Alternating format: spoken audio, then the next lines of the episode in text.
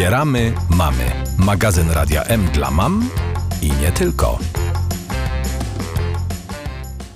Drodzy Państwo, tak to jest, że bardzo często chłopcom mówi się, no co się mówi, nie płacz, bo jesteś chłopakiem. Chłopcy nie płaczą. I mali już chłopcy, a później dorastający uczą się tłumienia w sobie emocji.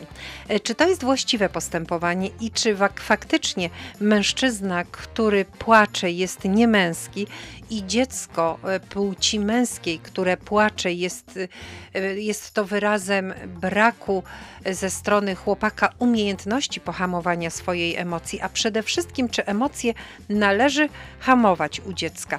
O to pytam pana Dawida Tomaszewskiego ze Szkoły Nowej Mowy. Dzień dobry. Dzień dobry wszystkim słuchaczom. I tak sobie wyobrażam, że chyba, przepraszam, bo tak mniej więcej mogę oceniać nasz wspólny wiek, że w latach naszej młodości to chyba bardzo często się takie słowa powtarzane pojawiały, prawda? Chłopcy nie płaczą, nie rycz, nie bądź beksą. Jak to było w Pana życiu, Panie Dawidzie? Oczywiście, że się pojawiają, zresztą nawet tytuły filmów czy piosenek e, Chłopaki nie płaczą, no to wskazują na to, że jednak ten stereotyp jest ciągle aktualny i że właśnie ta rola chłopaka, mężczyzny powinna być zawsze ta silna, ta gruboskórna. No a tak wiemy, że nie jest, bo kwestia emocji no, wpływa na reagowanie i czasami jesteśmy tak bezsilni, że pozostaje tylko płakać, bo nie wiemy, co w danej sytuacji robić. I tak jak pani rozpoczęła e, tą naszą dzisiejszą rozmowę, warto zacząć od wieku dzieci, czyli ten świat dziecka, późniejszej młodzieży, gdzie dzieci płaczą i to i dziewczynki, i chłopcy, bo po prostu nie wiedzą, co w tej sytuacji zrobić, są bezsilne, więc reagują płaczem, żeby coś wniosło, na przykład coś, jakaś reakcja powstała i tak jak niemowlak też będzie płakał, jak e, będzie na przykład czuł, że, że ma mokro, trzeba go przewinąć, że jest głodny. To są takie reakcje, które mają skłonić dorosłych czy osoby wokół nas do zachowania. My mamy te reakcje wyuczone od okresu niemowlęctwa. No tak, tylko że o ile dziecku małemu niemowlakowi, jak pan powiedział, tę pieluchę zmienimy, czy nakarmimy go, bo to trzeba zrobić po prostu, o tyle już trzylatkowi, który się na przykład przewróci, y, powiemy, no czego płaczesz, przecież nic się nie stało i dziecko czuje się zdezorientowane, no jak to nic się nie stało, mnie noga boli.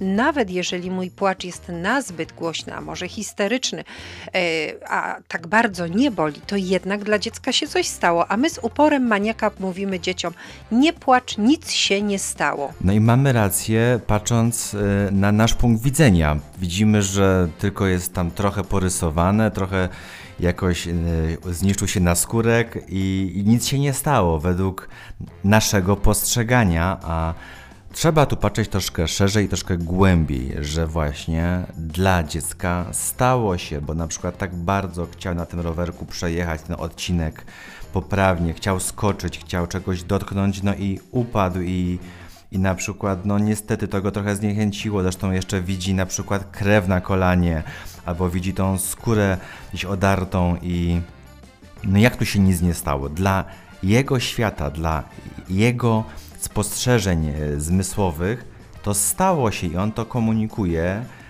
nawet właśnie często płaczem i wydaje się, co się dzieje, dlaczego tak płaczesz?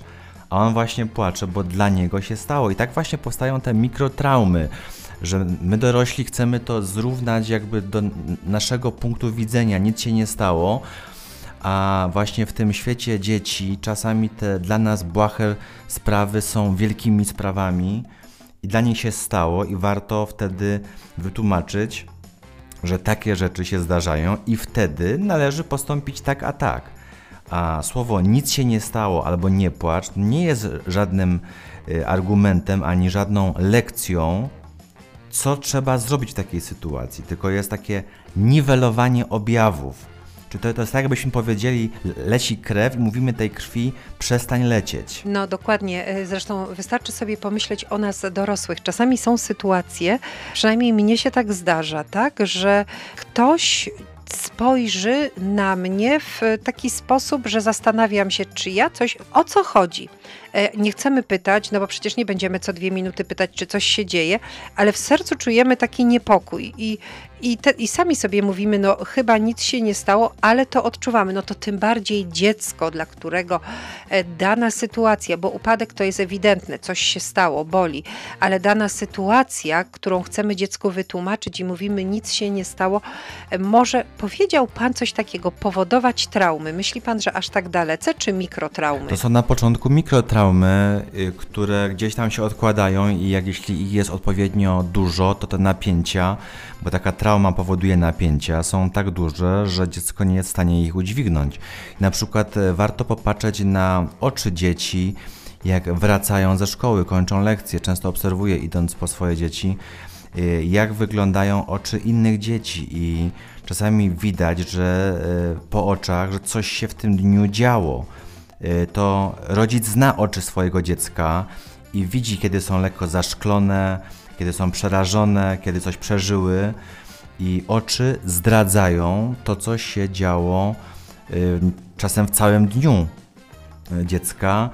I teraz pytanie albo stwierdzenie, słuchaj, nic się nie stało, no to, to niestety to niewiele wniesie. Tu trzeba dać szansę, żeby dziecko w atmosferze takiej zaufania i bezpieczeństwa zaczęło nam mówić, co się stało, bo nie od razu powie, bo mówmy się, dzieci też znają swoich rodziców i wiedzą, że jakby powiedziało coś, co się rodzicowi nie spodoba, to jeszcze się mu oberwie.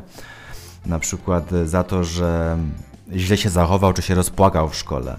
A być może dziecko było bezsilne, być może było postawione w takiej sytuacji, o której teraz pani powiedziała, jak my dorośli dziś w pracy z przełożonym, że sami nie wiemy, jak się zachować, a co dopiero dziecko z nauczycielem, czy na przykład z innymi kolegami, koleżankami też nie wie, jak się zachować.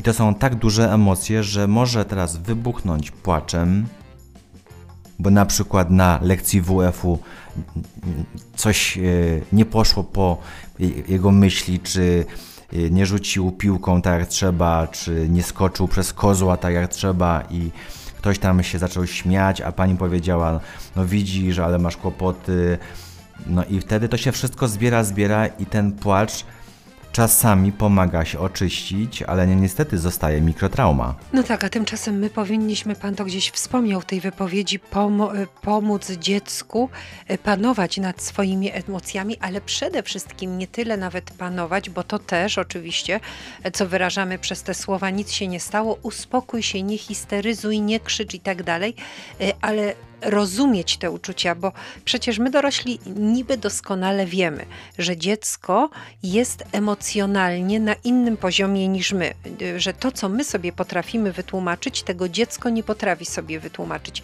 I jeśli dostaje błędny komunikat pod hasłem nic się nie stało, to nie nauczy się właściwie swoje emocje odczytywać, a przede wszystkim radzić sobie z nimi, prawda? Oczywiście, że tak, a przecież chodzi o to, żeby właśnie w wieku dorosłości umiało sobie radzić. Wiesz, widzimy różne obrazki osób dorosłych, chłopców również, bo od tego zaczęliśmy naszą audycję, że mają chłopcy nie płakać, a widzimy to, że w czasie różnych rozterek, często pierwszych miłości, różnych rozczarowań w relacjach, że na przykład jakieś zdjęcie wyciekło i chłopcy potrafią płakać, płakać, płakać, i mówi się, a że mięczak, a, a, że, a że taki delikatny, taki wrażliwy, a po prostu on sam nie wiedział, jak się wtedy trzeba zachować, bo nigdy się takich mechanizmów nie nauczył, czy od rodziców, czy nawet takich rozmów nie było przeprowadzonych, albo no niestety ma taką wrażliwość, gdzie od razu jest rzeczywiście wielki lament, nieadekwatny do wieku, bo to jest też prawda.